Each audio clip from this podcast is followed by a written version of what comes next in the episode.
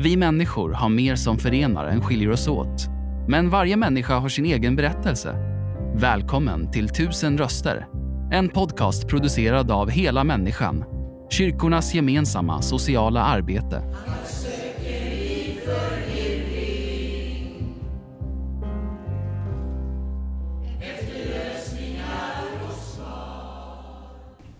Ja, då sitter jag här hos Hela Människans verksamhet i Sala och träffar Miriana Eriksson som eh, fyller 60 år här i mars.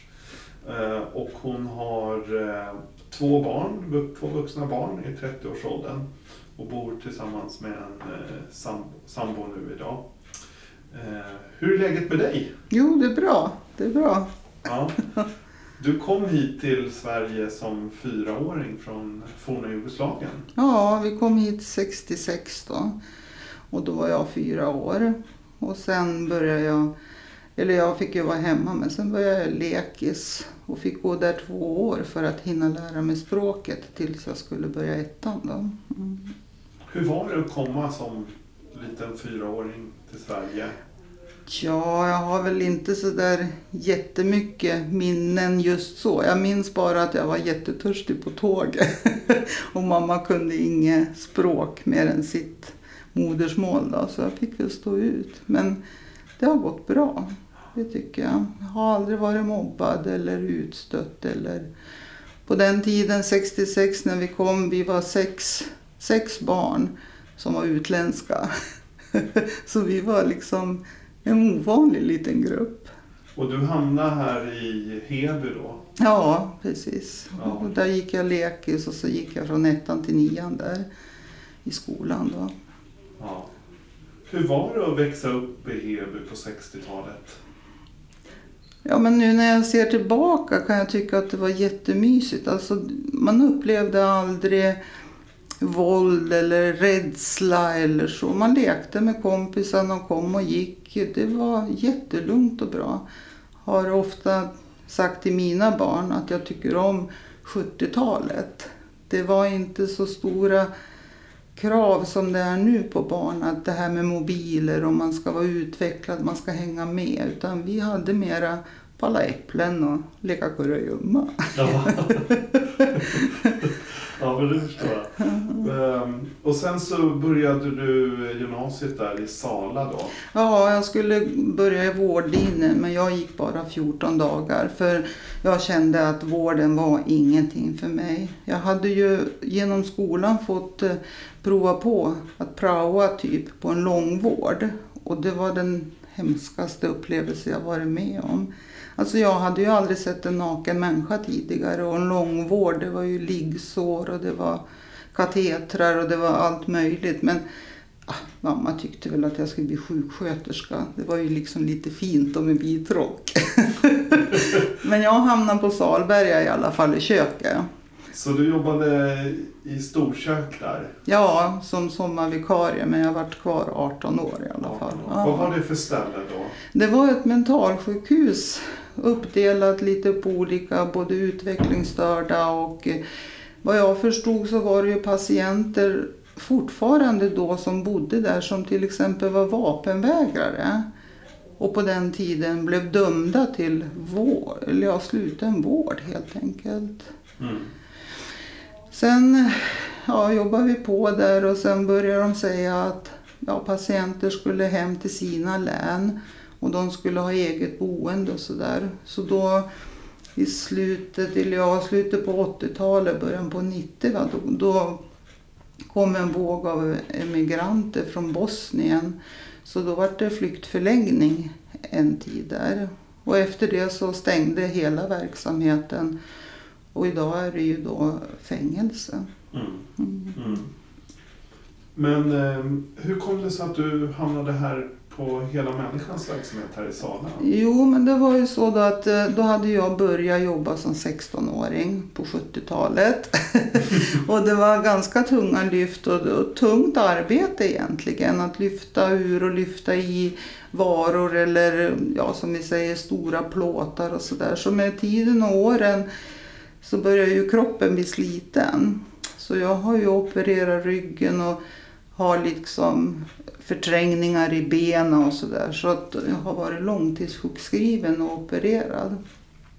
Så jag tror det var i början på 20-talet, då var det också så antingen är du sjukskriven sex månader eller så går du tillbaka till jobbet, annars blir du uppsagd. Och jag var en sån som blev uppsagd från köket för att systemet var så. De hade bestämt att vi ska inte ha någon långtidssjukskrivna. Så jag varit uppsagd och långtidssjukskriven. Men sen efter det då har jag ju försökt att komma tillbaka till arbetslivet. Jag har arbetstränat till exempel på Bergs blomsterhandel. Gick in och frågade om jag kunde få vara. Där var jag ett tag. Men så bestämde Arbetsförmedlingen och Försäkringskassan att jag kanske skulle prova på Sala Heby Energi. Och där kravlade jag ju också då från två timmar upp till en heltid. På slutet vart jag ju anställd också. Men det slutade med att jag fick nog för tunga arbetsuppgifter igen för min rygg. Jag skulle städa, jag skulle baka, jag skulle greja. Så det, det vart för mycket för mig och då kraschade ryggen igen. Då. Mm. Sen var jag också igen då åter sjukskriven och nu är jag här hos Hela Människan. Då. Börjar här första oktober i år. Då.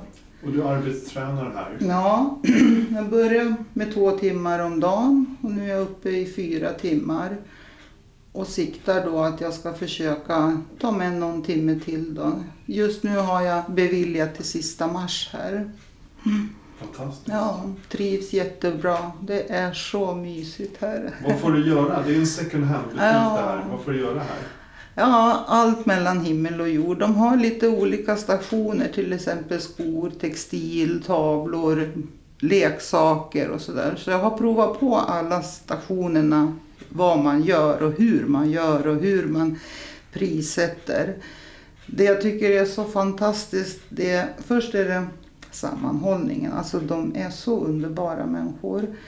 Och det andra är ju att det är ju som en julafton här varje dag. Man öppnar kartonger och man vet inte vad som finns där i.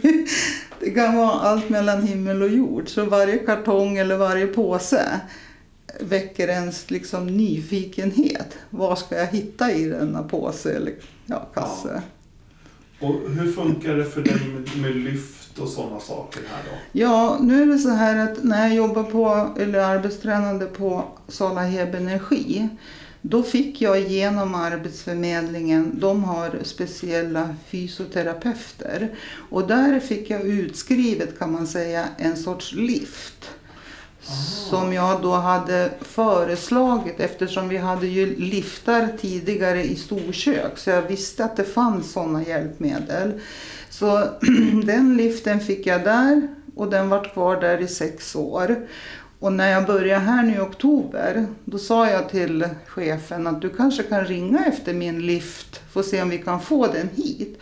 Och den har kommit hit till mig, men då har ju batterierna torkat ihop för den ska ju laddas typ varje natt. Och nu i dagarna har jag då fått tag i en ny på Arbetsförmedlingen som har gjort typ som en arbetsorder till firman som har tillverkat den här liften. Så jag väntar vilken dag som helst att jag ska få nya batterier till den. Oh, men gud vad ja, det är jättebra sak alltså. Den går ner i botten, man kan kanske dra en påse eller en kartong och så kan man köra den i den höjden som jag behöver arbeta i så att jag slipper böja mig, bära och sådana saker. Det är superbra. Mm, jättebra. Men det går att anpassa nu innan du har fått liften och så? Ja, precis. Ja, de tjatar på mig och jag är ju kanske en sån människa som när jag blir ivrig, jag glömmer bort, man blir ivrig, man tar i, man ja, fuskar lite med raster kanske mm. man gör. Jag ska bara göra det, jag ska bara se vad som finns i kassen eller så. Men så jag har försökt att vara försiktig om ryggen och tänkt på och jag får ju hjälp. De säger ju till, vill du lyfta någon kartong i den höjden som du vill arbeta i så säg bara till så att man inte mm. ja, förstör ryggen ännu mer. Då. Det verkar vara ett väldigt omtänksamt gäng här. Ja, verkligen. Så härliga människor och trevliga. Och... Mm. Du, vet, hela människan på många ställen har man ju en öppen verksamhet också med, som riktar sig till människor som lever i en utsatt livssituation. Mm. Eh, du berättade här lite innan om att du själv levde med en man under ett antal år Mm. eh, som, som drack lite för mycket. Ja, precis. Hur var det? Ja, först i början innan vi hade barn, då tyckte man ja men vadå, alla dricker ju på helgerna. Sen kanske jag inte kunde riktigt bedöma hur mycket man dricker. Som sagt, jag är ju liksom född i forna Jugoslavien. Där tar de en sup före innan de sätter sig i bilen. Eller ja, lastbilschauffören, jag måste ha en liten jäkel på morgonen ungefär för att orka. Så att spritmängden förstod jag nog inte riktigt var, vad det skulle barka hän. Men det är klart att man var fundersam om det, på den tiden då drack man ja, men typ en 75 vodka och blandade i groggar eller drack rent eller kaffekask som de sa förr i tiden.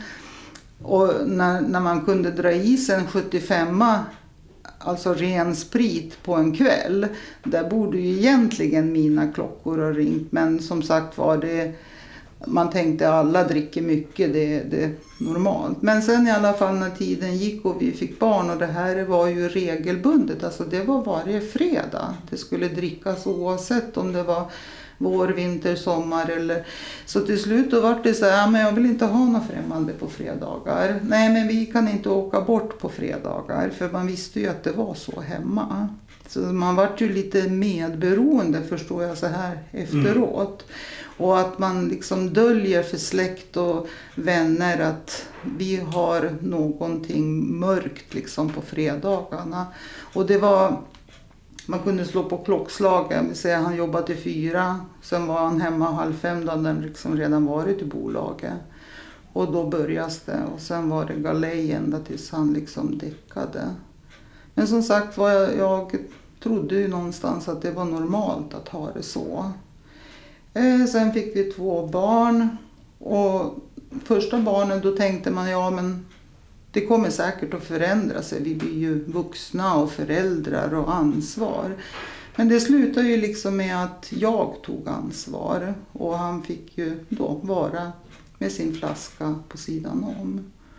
Jag påpekade flera gånger så här att ja, men om inte du ändrar dig så kommer inte det här sluta bra. Så det var, att det varit en skilsmässa det var ju liksom inte från ena dag till den andra utan jag kom ju med varningsflaggor men fick ofta till svar så här, ja ska du tjata på mig då kan jag gömma spriten i garaget och så dricker jag där ute om det stör dig att flaskan står i kylen liksom.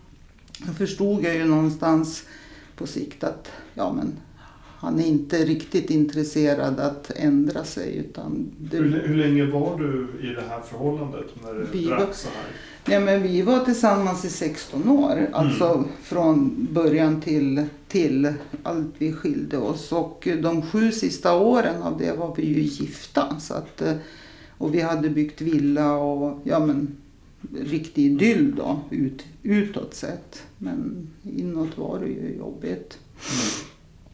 Så då i alla fall så skilde vi oss. Och då var man ju också rädd för...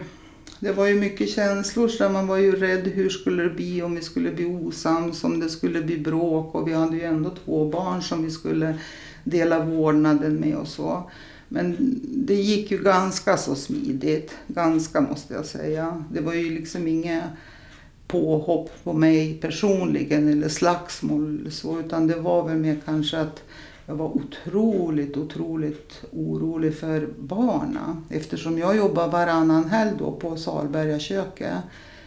Och då de helgerna när jag jobbade då hade ju han barna. Och då var det ju den här oron, är han full i natt, är han full i morgon, när de är där. Så det var, det var en svår period men tack och lov så hände ingenting farligt så med barnen. Mm. Men eh, vad... Eh, du tog dig ur det här liksom. Vad var det som gjorde att du tog det här steget? Jag kände väl liksom trygghet i att ha ett fast jobb. Det var det, var det första. Och sen att eh, samhället var ju så. Man fick ju bostadsbidrag eller barnbidrag. Man ah, kände trygghet att det här kanske jag klarar.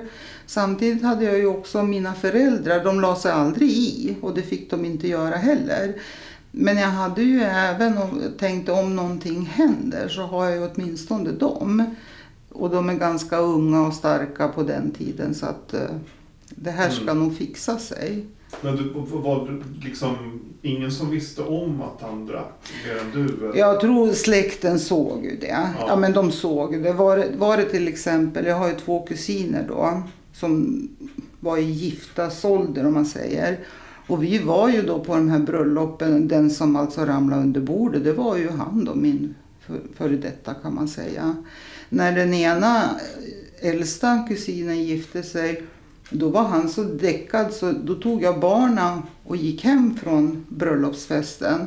Och hem kom fyra stycken och bar in honom. En i varje ben och en i varje arm.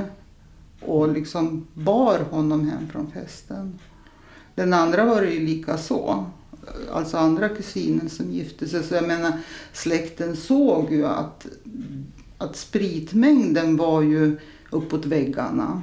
Mm. Det var inte så där att jaha nu är vi på bröllopsfest och vi ja, är salongsberusade. Utan det, det var ju helt åt andra hållet. Du själv då? Har du liksom funderat på har du själv tagit avstånd från alkohol? Eller hur? Då på den tiden var det faktiskt så. Ja. Jag var så anti mot allting. Så, och någonstans var det så där att ja, men jag skulle bevisa för honom att man kan faktiskt ha ett liv utan. Så jag tror i sju års ålder, eller sju års tid ska jag säga, så tog inte jag en droppe. Alltså inte ens en öl till maten. Det, det var liksom någonstans att ja, men man kan faktiskt leva utan mm. sprit. Men eh, ja, samtidigt var det ju då att han, han hade ju chaufför då. Han hade ju ja, för att säga barnvakt. Han hade ju tryggheten att det fanns en nykter människa som tog hand om hushållet och barna och, och så. Då, så att, eh, ja. Men du tog det ju ur och det var ju strångt alltså. Mm. Ja, men sen var, sen var det ju också tufft också. Alltså då var man ju ensamstående och så mitt uppe i alltihopa det här då, då stängde Salberga. Man vart arbetslös hade väl börjat, ja men då vart de ju halvvuxna barn, vi säger 9-13 år och sådär. Och det krävde ju liksom sitt då, läxor, de skulle ha ja men cyklar och, och allt vad alla andra hade. Uppfostra två barn, för då i början hade vi varannan vecka när de var små. Då var de ju som sagt var sju och fyra, fy, tre år. Sen eh, ja, det funkar inte helt enkelt. Så då började de gå dit varannan helg då bara.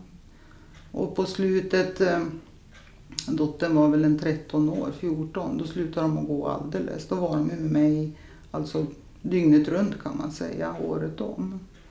För då var de så vuxna så de började också se. För jag gjorde ju allt ja, men för att inte förtala honom, för det är ju också fel. Det är ju inte barnas fel.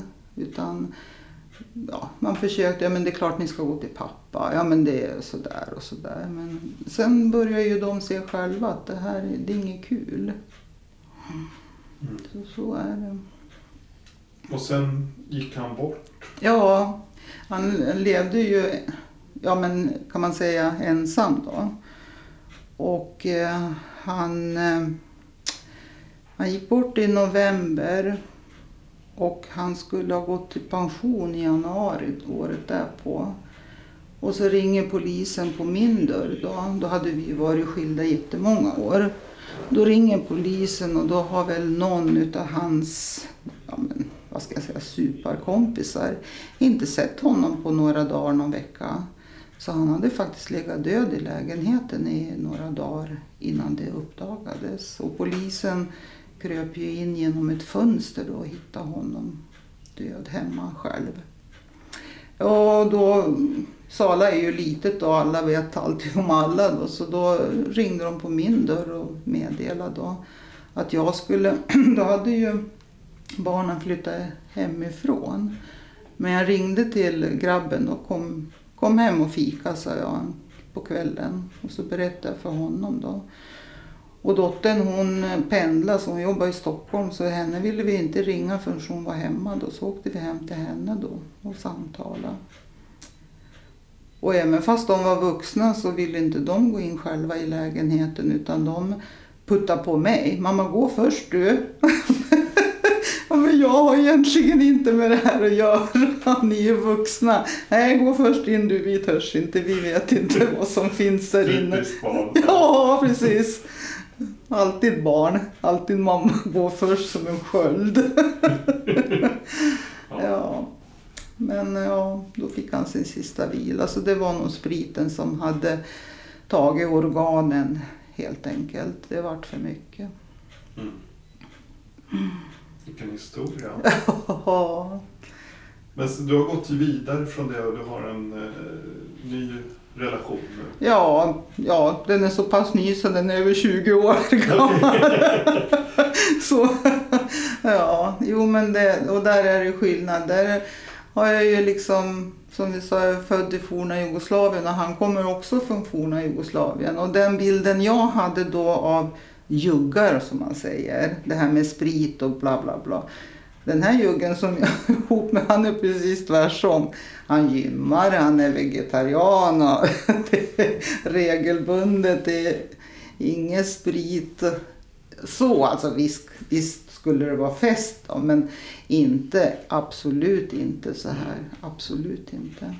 Väldigt mån om, om kroppen och att vara frisk och det här ekologiska och ja men precis. Ja, helt. Ja. Det är nästan så han pushar på en annan liksom. Men kom igen nu, du måste ju också. Låt mig vara, jag måste vila. Precis. Men vad tänker du om framtiden nu då? Du, du, du hoppas gå upp till 75 procent här snart. Ja. Vad skulle du vilja liksom, ja, min största önskan just nu är ju eftersom jag trivs så jättebra här. Ja men kanske få en anställning så Mm. att den här tryggheten återigen kommer till mig. Och jag blir ju liksom varm i bröstet när jag tänker på att jag kanske platsar igen på en arbetsplats. För att eh, det här runt omkring är ju så jobbigt med Försäkringskassa, Arbetsförmedlingen.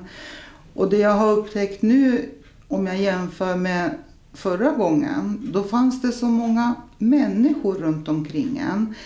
Alltså fysiska, de kom från Arbetsförmedlingen, Försäkringskassan, den här fysioterapeuten kom ut och de frågade vad man behöver. Alltså nu när det är Corona, det finns ingen, ingen någonstans. Och ringer man till Arbetsförmedlingen, det är så svårt att komma fram och det finns inte längre så här handläggare som man kan vända sig till utan det är bara hipp som happ vem som råkar svara i telefon den dagen. Och man får liksom inte det här återkoppling. Så att eh, även den här fysioterapeuten som jag har då sökt för att få de här batterierna till liften. Alltså jag har hållit på ända sedan i oktober när jag började här. Och nu äntligen fick jag väl ett svar. Så det kan kännas, kännas jättejobbigt. Och Arbetsförmedlingen, deras kontor, de har ju stängt i Sala. Så närmaste kontor blir ju Västerås. Och när coronan slog ut och jag tänkte jag åker väl till Västerås då, då var det ju stängt. Jobbar hemifrån står det. Beställ tid om du ska om du har någon fråga. Så det känns jättejobbigt. Därför tänker jag att den här tryggheten med, med ja, men ett fast jobb eller det måste vara om det är 50 procent eller 75 om jag orkar. Eller kanske på sikt att jag kanske till och med kommer upp i 100. Men då finns ju den här tryggheten. Det är som ibland jag säger när man är arbetslös, man har liksom bara skyldigheter men få rättigheter. Det är det som är så, kan vara jobbigt för en. mm. Och så kan det vara det här också att man är sjuk, samtidigt ska man strida lite med myndigheter. Mm. Det, det här, hela människans verksamhet, vad, vad skiljer den från många andra verksamheter tänker du? Här upplever jag, måste jag säga, att det är så mångsidigt. Det är ingenting som är monotont här. Utan man kan gå, som vi sa, från station till station. Och eh, då blir det liksom inte sådana påfrestningar på kroppen tycker jag.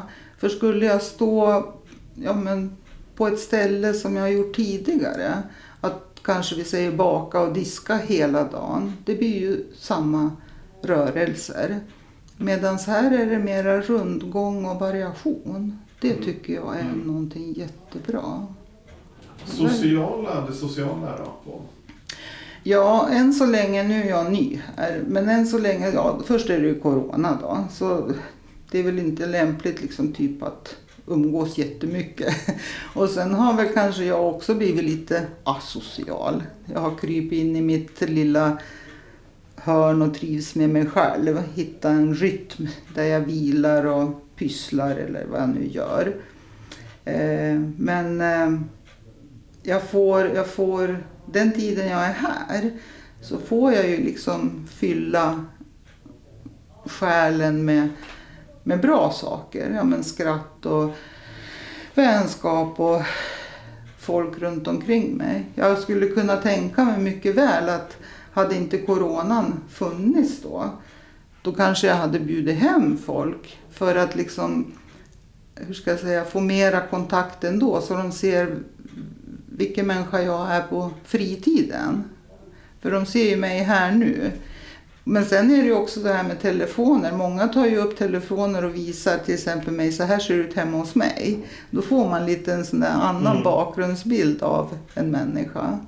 Men jag tänker vi tar det pö om pö så länge jag är här då. Annars, tyck, annars kan det vara så här lite att, ja, jag tycker ju om att baka. Nu har jag som jag sa mannen hemma då, det ska ju vara Friskus och Svettis. Så, det, så nu har jag börjat baka och bakar åt personalen istället. Det, det har de inget emot. Nej. Nej. Så, att, så jag får liksom lite utlopp där också ibland. Och det, det känns ju skönt för att det är på min egen vilja. Det är ju ingen som tvingar mig och det är ingen som säger att jag måste. Utan det är när andan faller på. Och sen är det ju tacksamt då när jag ser att bullarna går åt. Eller hur? Ja. Jag tänker på vad är den roligaste, intressantaste prylen du har hittat här när du öppnar Lådorna. i lådorna som kommer in? Ja, det, det kan komma in saker som jag inte vet vad det är egentligen. Då springer man runt och frågar vad kan det här vara? Nu kommer jag faktiskt inte på någonting riktigt rakt på sak, men det kommer in intressanta saker. Ja, bland, man kan säga så här, bland annat har vi ju sett, det var någon som lämnade in ett par militärbyxor.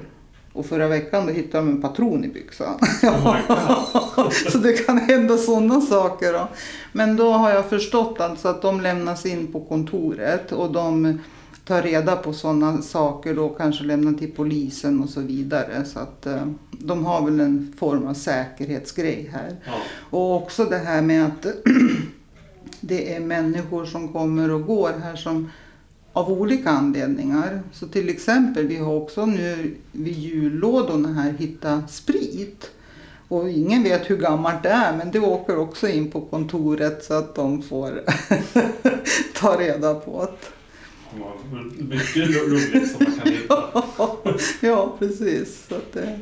Men eh, i och med att jag började här i oktober så ja, jag hamnar liksom på den här sidan med julen då. Så jag har haft allt som har med jul att göra. Det har liksom kommit till mig då. Och när det har ja, avtagit så har de upptäckt att jag tycker om att plocka med bestick.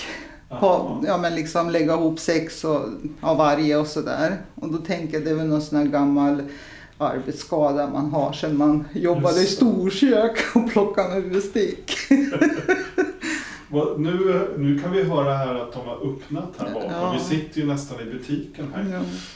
Eh, vad ska du göra nu när du kommer ut? Ja, nu ska jag gå först en vända och kika hur det ser ut. Om det behövs fyllas på någonstans eller om det fattas någonting. Eller om någon klätrasa har ramlat i golvet och plocka upp det. Sen går jag gärna ut bak i lagret och så kikar jag om det har kommit in någonting som jag kanske pysslar med mest. Då. Det har blivit mest bestick. Och, men jag är överallt och Mm. frågar om de behöver hjälp. Och ja, det finns alltid någonting att göra. Sen den här sista tiden också så har jag övat i kassan. Så att ta betalt och Om du skulle säga någonting till någon som bor här som aldrig har vågat sig in i den här butiken, vad, vad skulle du säga då? De är så välkomna. Det finns så mycket att se. Och det är så spännande att gå runt. Och det, fördelen med såna här affärer, det är faktiskt när jag själv har varit sjuk eller haft ångest eller försökt ta mig tillbaka. Det är att jag har upptäckt att det är så lugnt och stilla. Det är inte som på jag vet inte om Ikea, men andra affärer där musiken skrålar och skriker ut i de där högtalarna och man blir bara stressad. Mycket klädaffärer kör med hög musik och de har nog säkert fått för sig att man ska handla mer då. Men om man är lite så här ljudkänslig eller lite nere, då är det skönare att gå på såna här affärer. Det är så fridfullt för själen. Fantastiskt. Tack för att vi fick eh, följa med på din livsresa Mm. och höra om hur du har idag och vad du tänker om framtiden. Mm. Tack så mycket Tack Mira, själv. eller ja, som du kallas. Ja, tack själv. tack. Tack för att du lyssnat. Intervjun gjordes av Daniel Ryderholm och musiken framfördes av Gatans röster. För att hitta fler avsnitt och ta reda på hur du kan engagera dig besök helamänniskan.se volontar.